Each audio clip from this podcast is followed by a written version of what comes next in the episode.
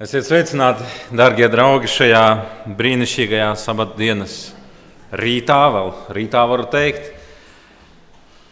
Tas ir liels prieks, ka šodien varam būt kopā, varam būt draudzē, varam atvērt kopīgi Dieva vārdu, lai nāktu pie svarīgām atziņām, kas palīdz mums ievērot to, ko Dievs no mums, kā viņa bērniem, sagaida.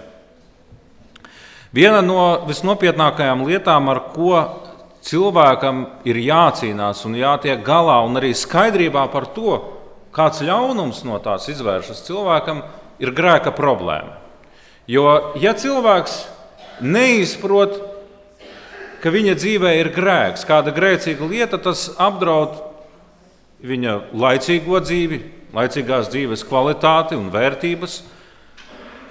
Un vēl jau vairāk tas apdraud, ja cilvēks nepiesauc Jēzus vārdu, nemeklē palīdzību Dieva tūmā, tad šis grēks cilvēku noved līdz tam, ka viņš zaudē arī mūžīgās dzīvības apsolījumu. Tāpēc ir šodien katram cilvēkam ir jābūt skaidrībā par to, kas ir grēks, kā viņš izpaužās un kā no viņa var atbrīvoties. Šodien kopā ar jums vēlos apskatīt vienu ķēniņu, dieva tautas ķēniņu, kurš darīja tiešām lielus grēkus, kas mums ir kopīgs ar jebkuru Izraēla ķēniņu. Un visiem cilvēkiem tas, kas mūs visus vieno, ir tas, ka visi mēs esam grēka skarti, visi mēs esam grēkojuši. Un šis ķēniņš darīja nu, tādus tiešām, kaut varētu teikt, prātam grūti aptveramus grēkus. Otrā ķēniņa grāmatā, 21. nodaļā, no 1 līdz 9 pantam, ir aprakstīts Jūdas ķēniņa Manases grēks. Otrā ķēniņa 21, 1 līdz 9. Manasam bija 12 gadi, kad viņš kļuva ķēniņš, un viņš valdīja 55 gadus Jeruzalemē un viņa mātes vārds bija Hefciba. Un viņš darīja to, kas tā kunga acīs bija ļauns, līdzīgi to tautu negantībām, kuras tas kungs bija izdzinis Izrēlā bērniem ienākot. Viņš atgriezās pie negantās elku kalpošanas un atkal uzcēla augstieņas sveitnīcas, kuras viņa tēvs Hiskī bija nopostījis un cēla bālam altārus un darīja ašēru, kā Izraēla ķēniņš Ahabs bija tās darinājis un viņš metās uz vaiga, uz sava vaiga pie zemes visa debesu zvaigžņu pulka, priekšā un tam kalpoja. Viņš uzcēla, uzcēla arī altārus tā kunga namā, par kuru tas kungs bija sacījis: Jeruzalemē es likšu dzīvot savam vārdam. Tāpat viņš arī abos tā kunga nama pagalmos uzcēla altārus visiem debesu zvaigžņu pulkiem.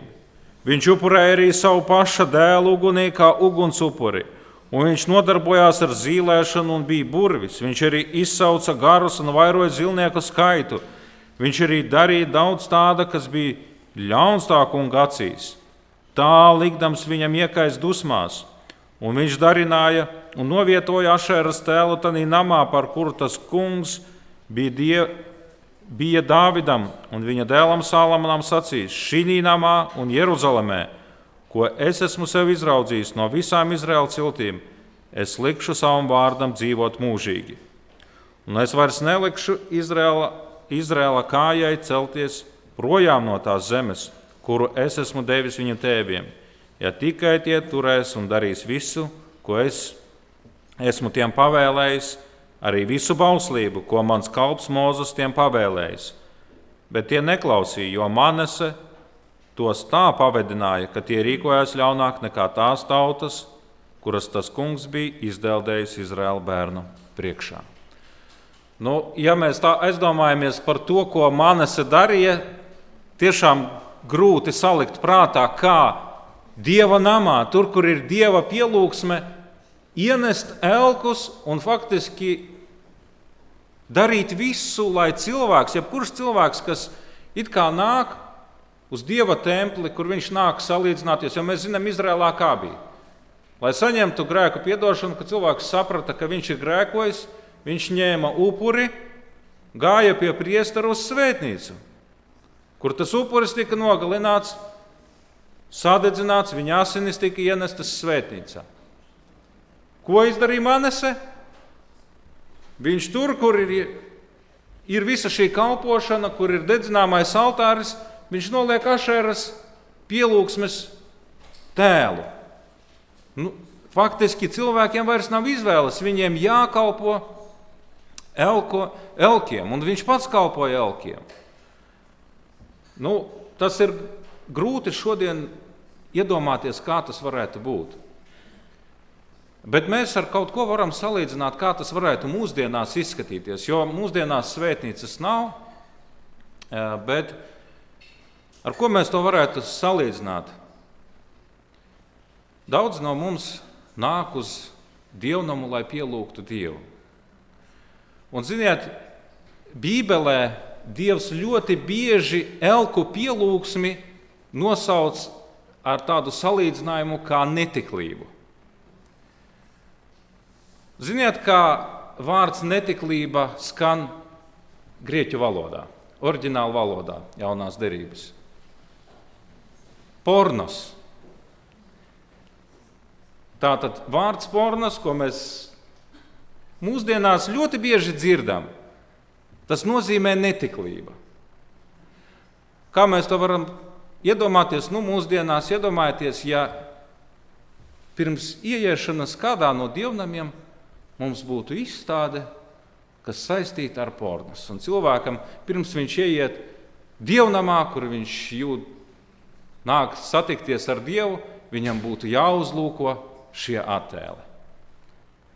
Nu, mēs nevaram iedomāties, ka pie kāda no dievnamiem būtu kaut kas tam līdzīgs. Nu, prātā tas mums nesaliekās, bet faktiski īstenībā to, ko darīja Manese, viņš darīja šādu lietu. Bet ko mēs redzam? Protams, par tādu pārkāpumu pienācās sots. Par to, ko darīja ķēniņš Manese, mēs lasām 3. mūža grāmatā, 20. nodaļā, no 1. līdz 3. pārtam, ir teikts, un tas kungs runāja uz mūzu, saka Izraēla bērniem, ikvienu no Izraēla cilts. Un no svešiniekiem, kas mīt Izraēla vidū, kas no sava dzimuma dod kādu molaham, to būs nonāvēt, zemes ļaudīm būs viņu nomētāt akmeņiem. Un es pacelšu dusmās savu vaigu uz šo vīru un to izdeldēšu no viņa tautas, tāpēc ka tas no saviem pēcnācējiem ir upurējis Moloham, tā nešķīstu darīdams manu svētumu un apgānīdams manu svēto vārdu. Mēs arī lasījām, ka viņš savu pašu dēlu nesaka kā upuri. Iesaistīts grāmatas 66. nodaļā 16. un 17. pantā mēs lasām, jo tas kungs tiesās ar uguni visu zemi un ar savu zobenu visu cilvēci. Un daudz būs tā kunga nokauto, visi, kas svēties un šķīsties elku dārzos un dažādās vietās. Cits par citu dedzīgāki, kas ēd cūkas gaļu, visādu negantību un peles, tie visi kopā ies bojā, saka tas kungs. Šeit mēs lasām 17. panta ievadā, ka visi, kas šķīsties augu dārzos, visi, kas nododas augu pielūgsmei, Dievs skaidri norāda, ka par tādiem nāks Dieva sots.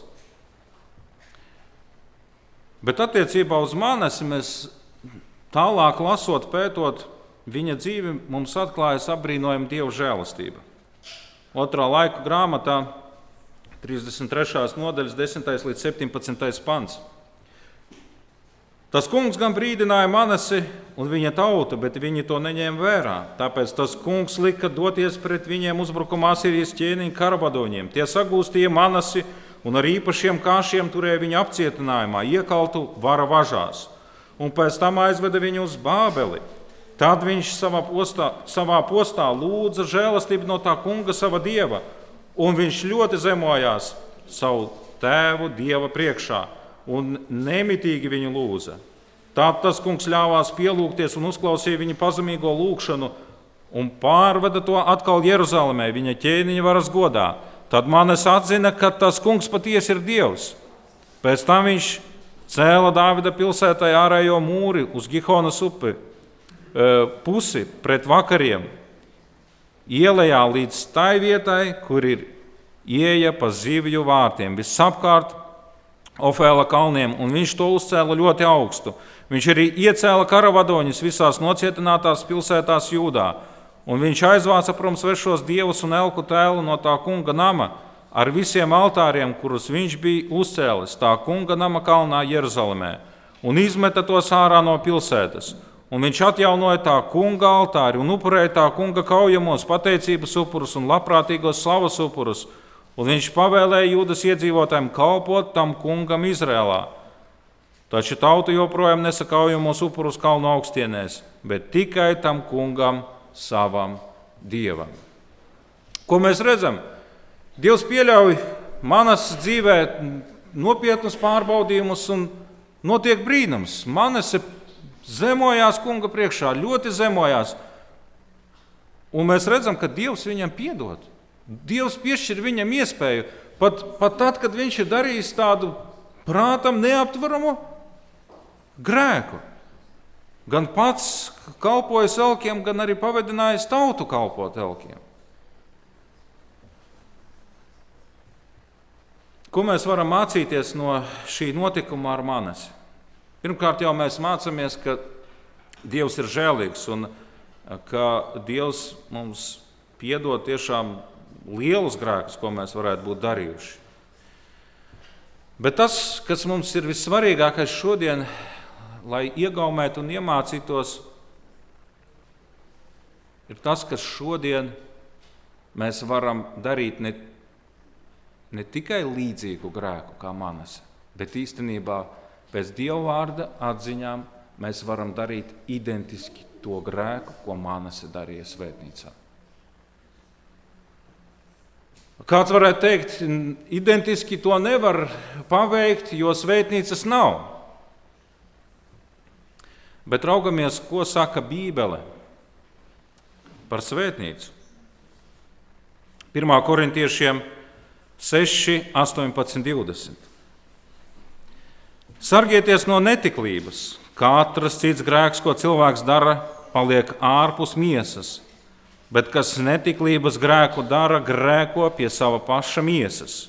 Ja vai jūs nezināt, ka jūsu miesa ir svētā gara mājoklis, kas ir jūsos, un, jūs esat, un ko jūs esat saņēmuši no Dieva, un ka jūs nepiedarat sev pašiem, jo jūs esat dārgi atpirkti, tad nu pagodiniet Dievu ar savu miesu. Jaunā derība mums atklāja, kādu interesantu lietu.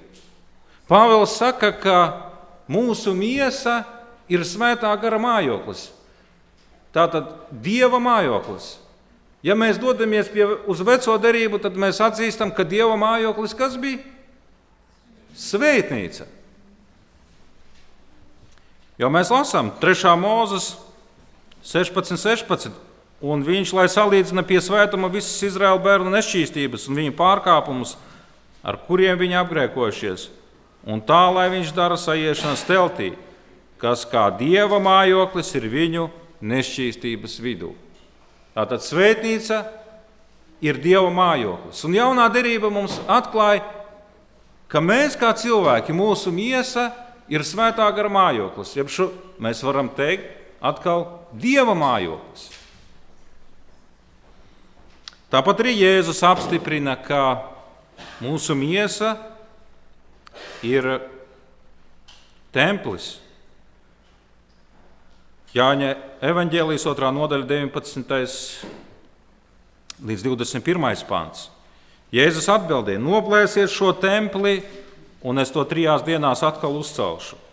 Tad jūdzi sacīja, 46 gadus šis templis ir taisīts, un tu to gribi uzcelt trijās dienās, bet viņš runāja par savu pašu miesas templi.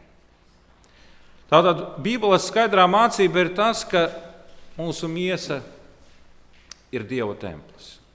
Ko tas nozīmē? Tas nozīmē, ja cilvēks savā dzīvē pieļauj kalpošanu kādam elkam,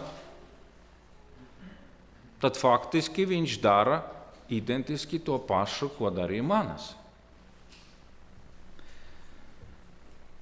Elēna Vaita grāmatā Laikmeta ilga 16. nodaļā raksta šā, šādus vārdus. Šķīstīdams dievnamu, Jēzus sevi pieteica kā mesiju un uzsāka savu darbu. Dieva klātbūtnes iemājošanai celtais templis bija domāts kā uzskates līdzeklis Izrēlam un visai pasaulē. No mūžīgiem laikiem pastāv dieva nodoms, lai katra radītā būtne no spožā un svētā serafa līdz cilvēkam būtu kā svētnīca, kurā mājotu radītājs. Grēka dēļ cilvēks pārstāja būt par šādu dieva templi. Ļaunuma aptumšotā un apdraudētā cilvēka sirds vairs neatklāja dieva godību. Bet ar dieva dēla nākšanu cilvēka miesā radītāja nodoms tomēr piepildījās. Dievs mājo cilvēkā un ar glābjošās žēlastības palīdzību. Cilvēka sirds no jauna kļūst par viņa namu. Dievam bija nodoms, lai Jeruzalemes dievnavs pastāvīgi liecinātu par viņa, par katrai dvēselē piedāvāto augsto stāvokli. Bet jūdi neizprata šīs celtnes nozīmi, ar kuru paši tik ļoti lepojās. Viņi sevi nenodeva par svētnīcu dievu garam.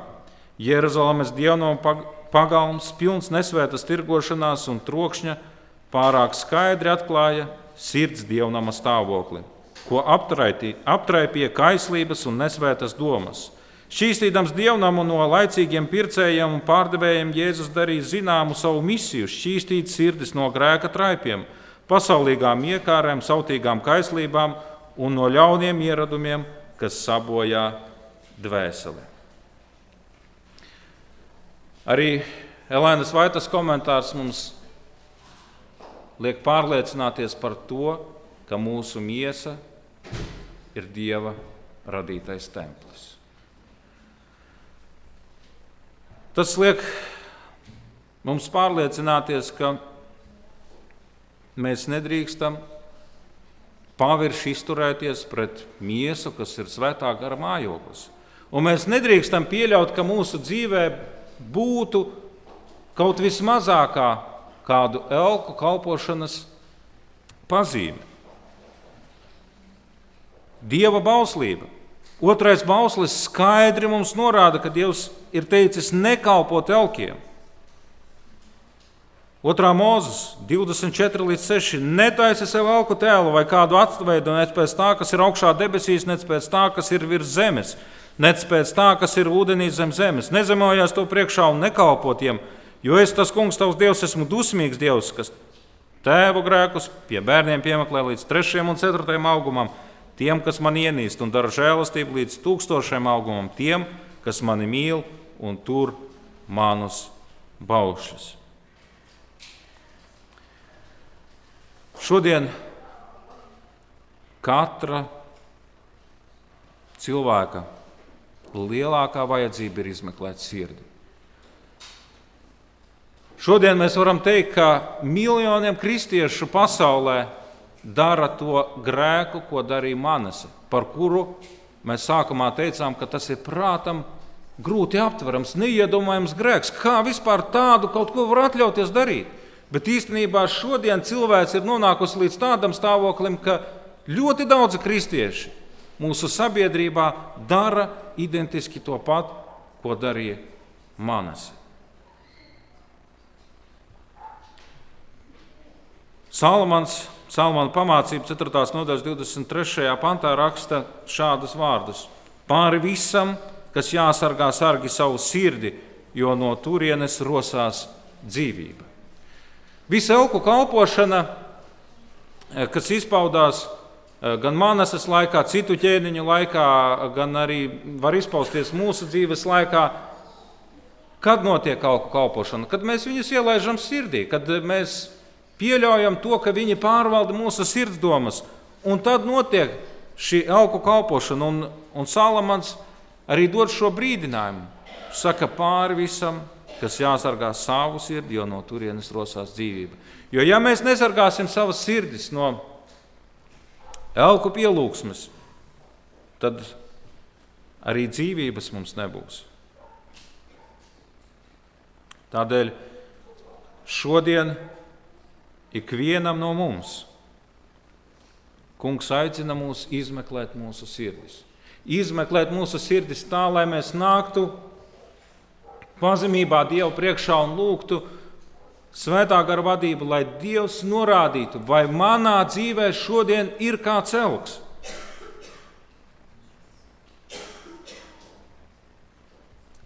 Piektā mūzes grāmatā, 30. nodaļa no 15. līdz 20. pantam.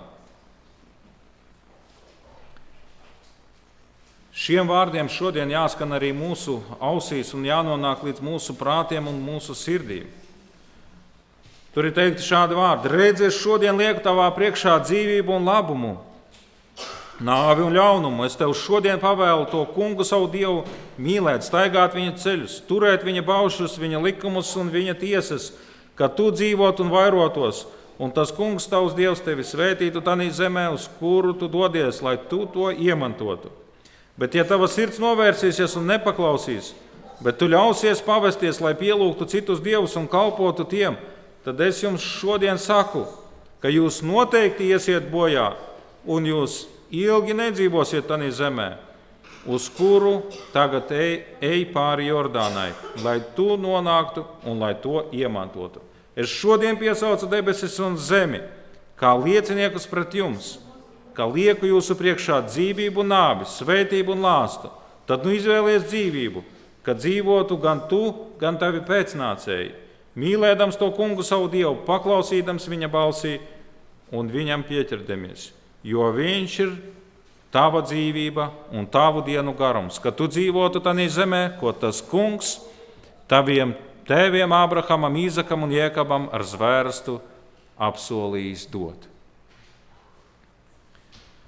Arī šodien Dievs mums liek priekšā svētību un lāstu, dzīvību un nāvi un saka, ko tu izvēlēsies? Kam tu šodien izvēlēsies kalpot? Efeziešu vēstules 5. nodaļas 5. pantā Pāvils raksta, jo to iegaumējiet. Nevienam netiklim, netīram vai mantrausim, Tas ir elku kalpam, nav vietas Kristus un Dieva valstībā. Skatieties, kā Pāvils paskaidro, ko mūsdienās nozīmē elku kalpība. Viņš saka, nevienam netiklim, netīram vai mantrausim. Tas ir elku kalpam. Tātad elku kalpošana tā nav tikai kad es zemojos kāda tēla priekšā, bet elku kalpošana var būt kāda netikla darbība, nešķīstība, mantrausība, kalpošana mantai. Mēs redzam, ka šodien liela daļa sabiedrības kalpo mantai. Tā ir viņu lielākā vērtība. Un faktiski Dieva vārds nosauc, ka viņi kalpo elkiem. Un, un dara šo grēku, ko ir darījis ķēniņš manas.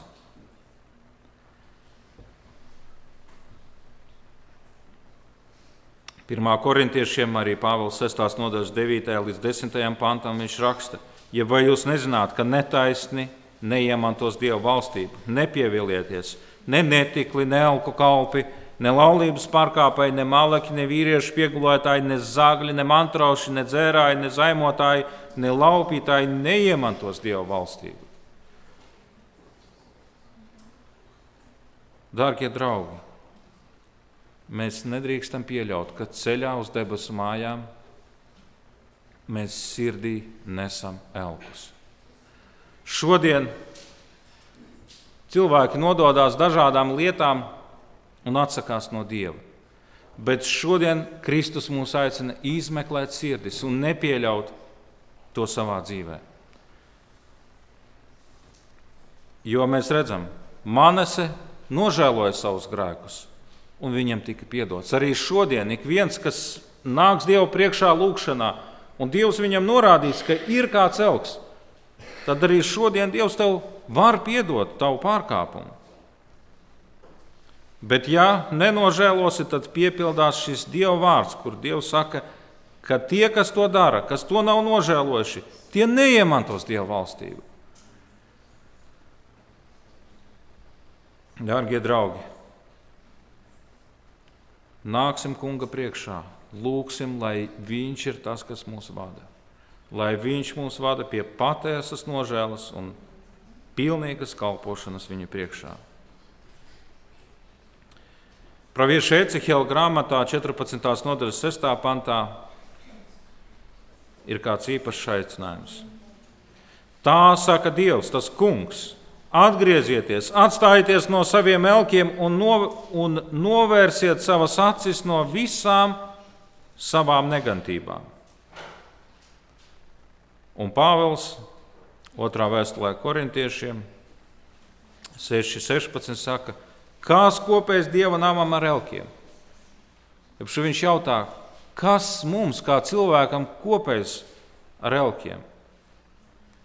Tālāk viņš saka, jūs esat dzīvā Dieva nams. Kā Dievs ir sacījis, es viņos gribu mājot un viņu starpā staigāt. Un es būšu viņu Dievs, un tie būs mani ļaudis. Lai šodien mēs varētu saukties par Dieva ļaudīm, par Dieva tautu, mums jāsaka, ka man nekas nav kopējis ar elkiem. Es kalpoju Dievam, manam kungam. Amen. Mūsu mīlestības pilnais Dievs un Kungs, mēs pateicamies par Tavu dzīvo vārdu. Mēs pateicamies, ka ik reizi, kad mēs to lasām, ik reizi, mēs, kad mēs lūkšanā to pārdomājam, tad Tu mūs vadi pie atziņām. Mēs pateicamies, Kungs, ka šodien mēs varējām ieraudzīt Tevi kā žēlastības pilno Dievu, kurš var piedot tik vienu grēku. Un mēs pateicamies arī, ka Tu mums norādi uz to, ka caur savu vārdu, ka mūsu miesa ir svētā gara mājoklis, ka tas, šī ir šī svētnīca, kur jāsaklabā šķīsta. Tādēļ mēs īpaši, kungs, lūdzam Tavu vadību, lai mūsu sirdīs nevaldītu grēks. Palīdz mums sargāt mūsu sirdis no elku kalpības, bet palīdz mums veidot mūsu domas tā, lai mūsu sirdīs mājotu svētais gars, lai mūsu sirdīs mājotu tavi bauši, lai tie būtu dziļi ierakstīti tajās, un lai mēs pie tiem vadītos mūsu dzīves gaitās. Mēs lūdzam pēc svētā gara piepildījuma, vadības un miera mūsu sirdīm, mūsu lūgšanu un pateicību Kunga Jēzus Kristus vārdā. Āmen! Āmen.